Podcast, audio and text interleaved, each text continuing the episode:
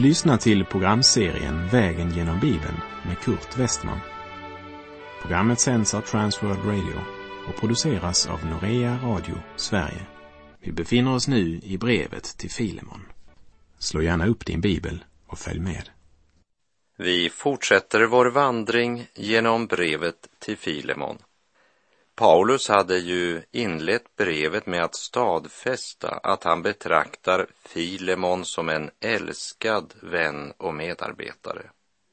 Och det är inte smicker.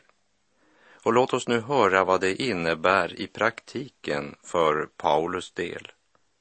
Vi läser brevet till Filemon, vers 4 och 5.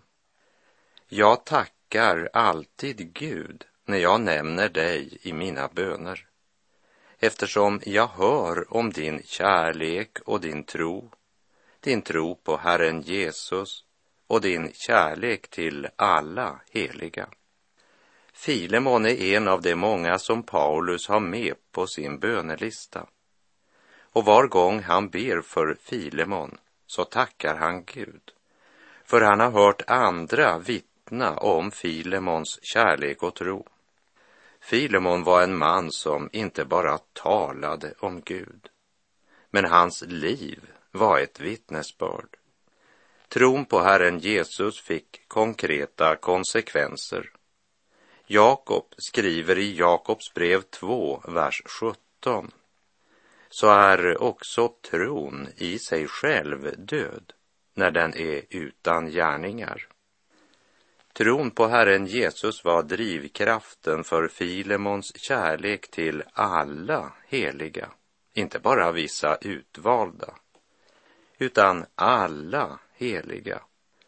Men även om Paulus tackar Gud var gång han ber för Filemon, så vill han inte att det ska stanna där utan Paulus önskar att Filemon ska fortsätta att utforska allt vad han äger i Kristus. Där det finns en levande tro är det alltid en växt. Vi läser Filemons brev, vers 6. Min bön är att din gemenskap med oss i tron ska visa sig verksam och ge en klar insikt om allt gott som vi äger tillsammans i Kristus. Paulus bön är konkret. Han säger inte bara kära Gud, välsigna Filemon och hans familj. Nej, Paulus ber om att Filemons tro ska visa sig verksam. Och då tänker han inte först och främst på aktiviteter men att tron ska visa sig verksam när han studerar Guds ord och ber i lönnkammaren så att Filemon växer till i sin inre människa och får mer och mer ljus över allt gott som de tillsammans äger i Kristus. Vers 4 och 5 talar om gärningar, konkreta handlingar. Vers 6 talar om andlig växt, alltså det inre livet. Det är som en elsladd med sina två strömkablar. Det är inte nog med bara den ena. Klipper du en så är det ingen kraft i den andra heller. Kärleksfulla gärningar och goda handlingar utan andlig växt det blir bara lagisk strävan och religiös ansträngning.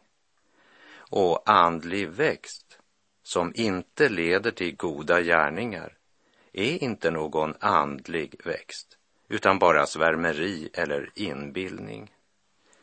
Paulus hade hört om Filemons tro på Herren Jesus och han hade hört om hans kärlek till alla heliga. Det är ju mer än vad man kan säga om många församlingsmedlemmar idag. Ändå så slår sig aposteln inte till ro med det. Han ber att den gemenskap Filemon har med Paulus, Timoteus och de andra ska göra att tron leder till en klar insikt om allt gott de äger tillsammans i Kristus. Här tänker jag på vad Paulus skrev till de troende i Filippi. I Filipperbrevet 2, vers 13 och 14. Ty Gud är den som verkar i er, både vilja och gärning, för att hans goda vilja ska ske. Gör allt utan att klaga och tveka. Vi läser Filemon, vers 7. Din kärlek har varit till stor glädje och tröst för mig eftersom de heliga har blivit styrkta i sina hjärtan tack vare dig, min broder. Filemon, han var en som genom sina ord och handlingar var med och styrkte andra troende i deras hjärtan. Han använde inte sin rikedom och sin position i samhället till att upphöja sig själv över sina trossyskon. Han var en broder som genom tron fått en helt ny relation till andra. Tack vare Filemon så hade de andra troende blivit styrkta i sina hjärtan. Paulus påminner Filemon om detta innan han ber att Filemon nu ska handla på samma sätt mot sin förrymda slav Onesimus när han nu återvänder som en broder i Herren. Att även Onesimus ska få uppleva att i Filemons hus, där blir man styrkt i sitt inre. Det finns många underbara bröder och systrar runt om i vårt land som jag har haft privilegiet att möta på mina resor när jag har bott i deras hem och delat gemenskapen med dem. Det är något av det mest glädjande som jag upplever i kallelsen. Där man märker Kristuskärleken, värmen och hängivelsen. Kärleken till trossyskon och ivern att sprida evangeliets budskap. Man blir själv uppmuntrad och får också höra andra i församlingen vittna att de blir styrkta i sina hjärtan genom denna familj. Filemons hus var ett sådant hus.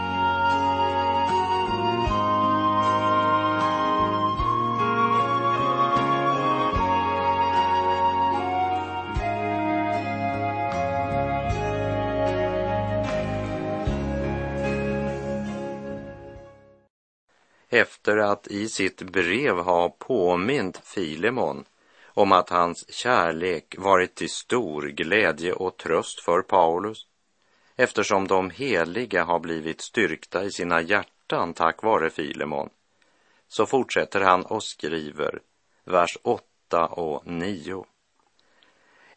Även om jag därför med stor frimodighet i Kristus kunde befalla dig vad du bör göra, vädjar jag hellre för kärlekens skull. Jag, Paulus, en gammal man och nu en Kristi Jesu fånge. Nu kommer han till det som är själva orsaken till att han skriver. Och mycket diplomatiskt närmar han sig detta tema. Och vi lägger märke till att han inte åberopar sig sin myndighet som apostel, utan vädjar för kärlekens skull. Jag, Paulus, en gammal man, kunde också ha varit översatt jag, Paulus, en åldrad man. Han är bara i 60-årsåldern, men som genom de lidanden och umbäranden han gått igenom som en förföljd Jesu Kristi apostel så har han åldrats. Och han skriver sitt brev från fängelset. Så det är uppenbart att han inte personligen kan besöka Filemon. Men han påminner Filemon om att det är på grund av att han varit evangeliets budskap trogen som han nu sitter fängslad. Och så berättar han därefter om en av de frukter som fångenskapen har medfört. Onesimus har blivit frälst. Vi läser Filemons brev, vers 10. Jag vädjar till dig för mitt barn som jag har fött i min fångenskap, för Onesimus. Innan Paulus nämner Onesimus namn talar han om ett barn som han har fött i sin fångenskap, ett andligt barn. Och nu har han en önskan när det gäller denna nya medarvinge till Guds rike. Och så säger Paulus något som är ett ordspel med Onesimus namn, eftersom Onesimus betyder den nyttige. Vers 11. Som förr inte var till någon nytta för dig, men nu är till nytta både för dig och mig. Hur Onesimus uppfört sig innan han rymde, det vet vi inte. Men det kan ju verka som om han bekänt för Paulus att han varit en högst onyttig tjänare. Men Paulus, han har under en tid sett vad Guds ord och den helige ande har uträttat i Onesimus liv. Paulus säger det är ett förr och ett nu i denne mans liv. Han har blivit en ny skapelse i Kristus. Och den som lever i Kristus är till nytta för alla Guds barn, både dig och mig. Men så är det som om Paulus tillägger, men som troende bör ju då också du och jag vara Onesimus till nytta.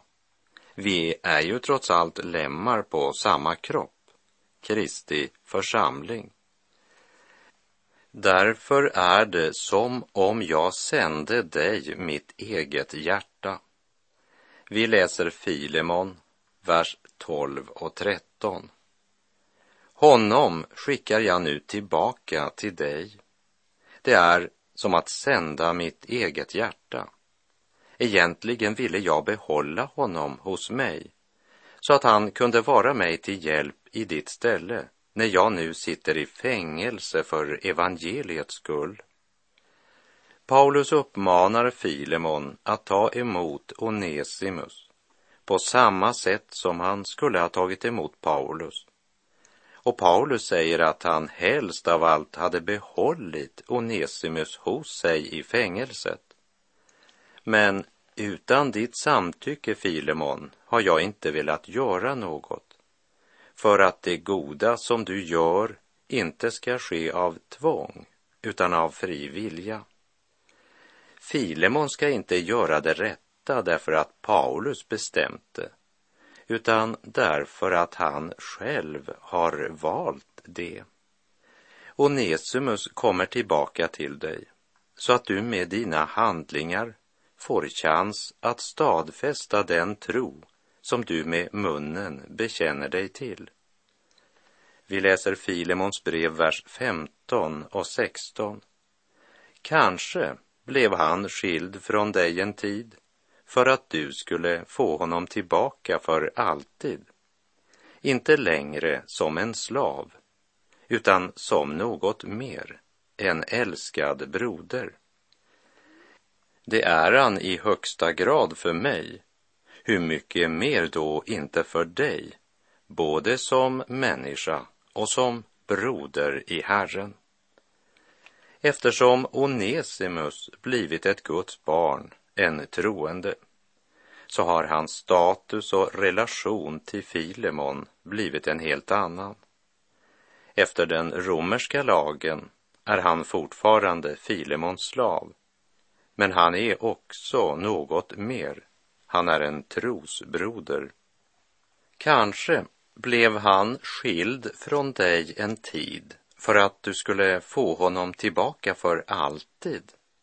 Kanske ligger det en Guds mening bakom Onesimus flykt.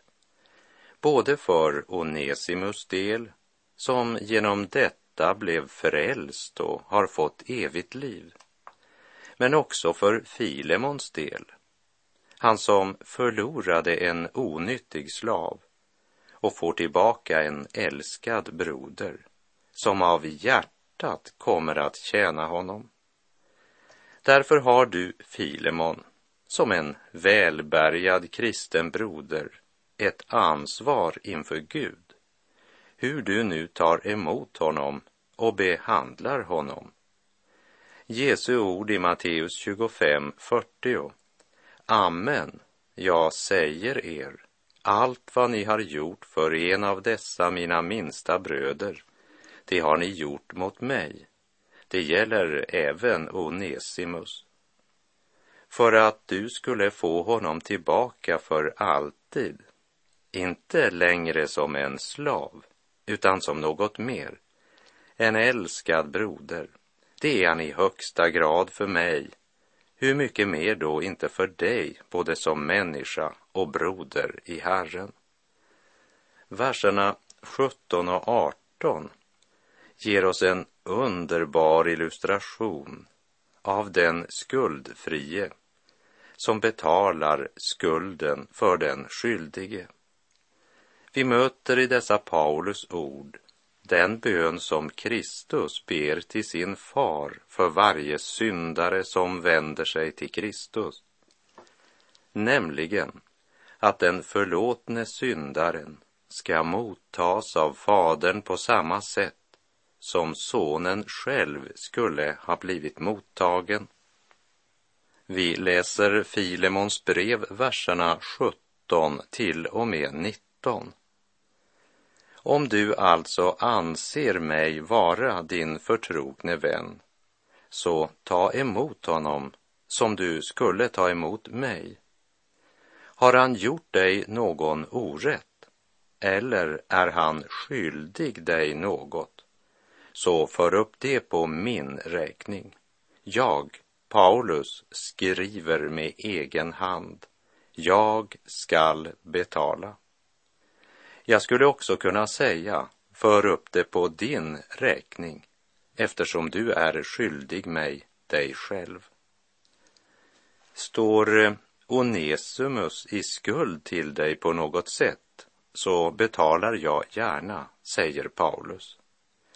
Det vill säga, har du något att utkräva av Onesimus, så vänd dig till mig så påminner Paulus om den skuld som Filemon har i relation till Paulus. Filemon, glöm inte att det är mig du har att tacka för att du har fått ett helt nytt liv som betyder mer för dig än någon slav eller någon jordisk vinst eller förlust. Han ger inte Filemon några helt bestämda direktiv, utan han påminner bara Filemon att också han står i skuld. Sedan ber han Filemon att följa samvetets röst. Vers 20. Ja, broder, låt mig få nytta av dig i Herren. Låt mitt hjärta få ro i Kristus. Även här så spelar ordet nytta på Onesimus namn du kommer att få stor nytta av Onesimus. Låt då också mig få stor nytta av dig i Herren. Låt mitt hjärta få ro i Kristus. Evangeliet har omskapat sociala förhållanden, gett människorna ett nytt syn på varandra och på livet. Slaveriets avskaffande det var en av evangeliets frukter. Onesimus blev inte frigiven så vitt jag vet. Men Guds ord vittnar att Onesimus fick inte bara sitt eget hjärta förvandlat, men också sin livssituation. Paulus ord till Filemon, du ska få honom tillbaka för alltid, inte längre som en slav, utan som något mer, en älskad broder. Det blev avgörande för Onesimus framtid. När Kurt Westman en dag ska ställas till svars för sitt liv så träder Kristus fram och säger till Herren Gud Har Kurt gjort dig någon orätt? Eller är han skyldig dig något? Så för upp det på min räkning. Det är vad det i praktiken betyder att vara i Kristus.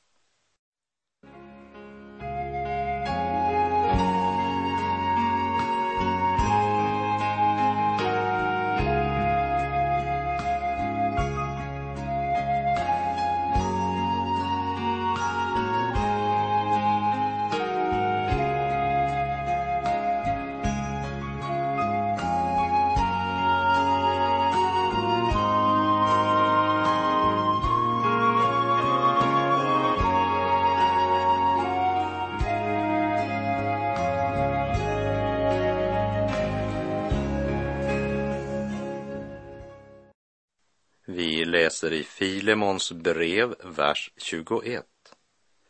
Jag skriver till dig, övertygad om att du kommer att lyda mig. Jag vet att du ska göra ännu mer än vad jag ber om. Paulus känner Filemon väl. Paulus har inte gett några order, bara framburit en bön. Och Paulus är helt säker på att Filemon inte bara kommer att göra det Paulus har bett honom om, utan han kommer att göra ännu mera. För det är ju trots allt så i Kristi församling att det är inte bara slavar som ska vara till nytta, men vi är alla Kristi slavar. Bär varandras bördor så uppfyller ni Kristi lag, skrev Paulus i Galaterbrevet 6, vers 2. Paulus förväntar att den rike Filemon, som sannolikt hade flera slavar, ska lyda den förföljda aposteln som sitter och skriver sitt brev som fånge. Ja, Paulus är övertygad om att Filemon kommer att göra långt mer än vad han har bett honom om. Jag skriver till dig. Brevet är högst personligt. Och det är underbart att läsa om Paulus övertygelse att Filemon kommer att göra mer än vad Paulus bett honom om. Och det är det som kännetecknar sanna Guds barn. De gör alltid mer än vad man begärt. De går alltid den andra milen. Kanske är orsaken till att en del av oss är så fattiga idag att vi har varit så gnidiga när det gäller Herren och hans rike. Brevets huvudärende är nu framfört och så ber Paulus att Filemon ska ordna ett gästrum.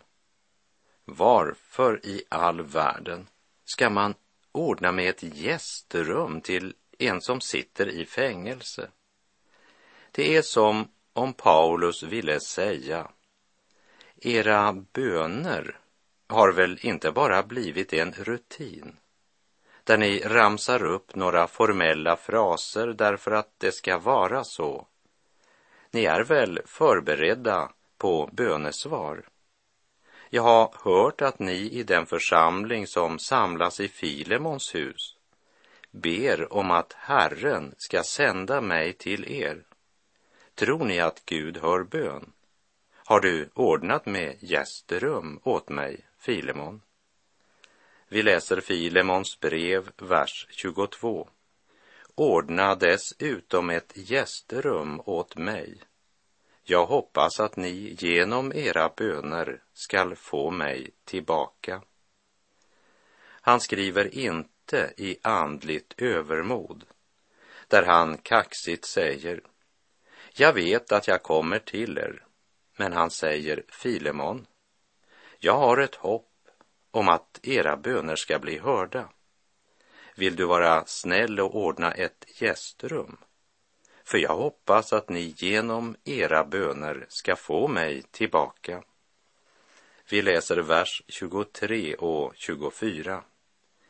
Epafras, min medfånge i Kristus Jesus, hälsar till dig, liksom Markus, Aristarkus, Demas och Lukas, mina medarbetare.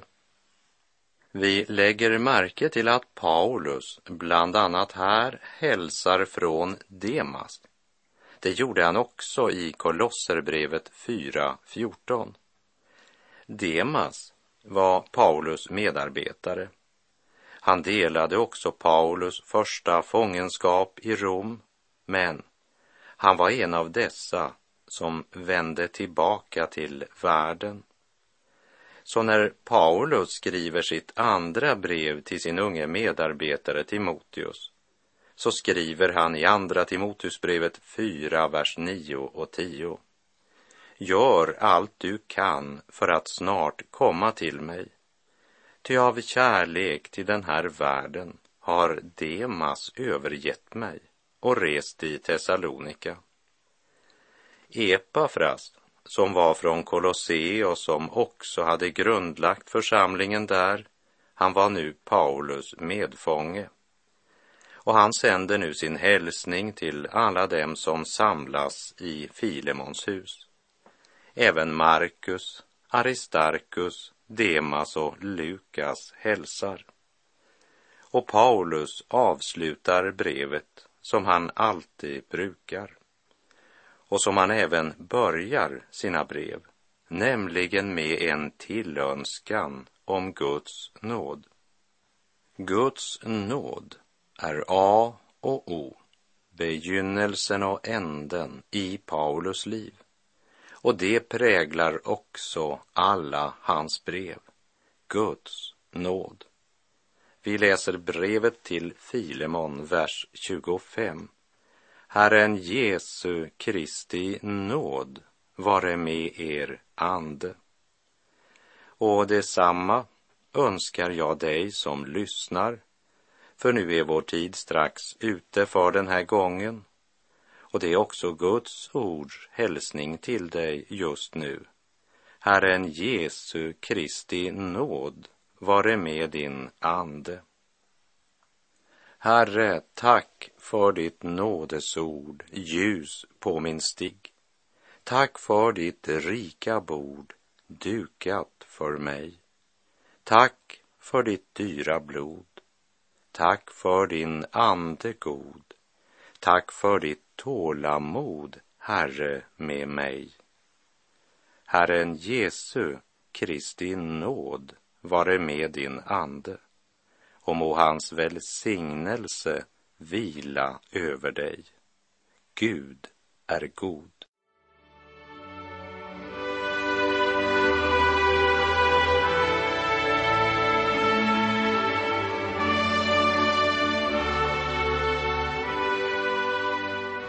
Du har lyssnat till programserien Vägen genom Bibeln med Kurt Westman som sänds av Transworld Radio.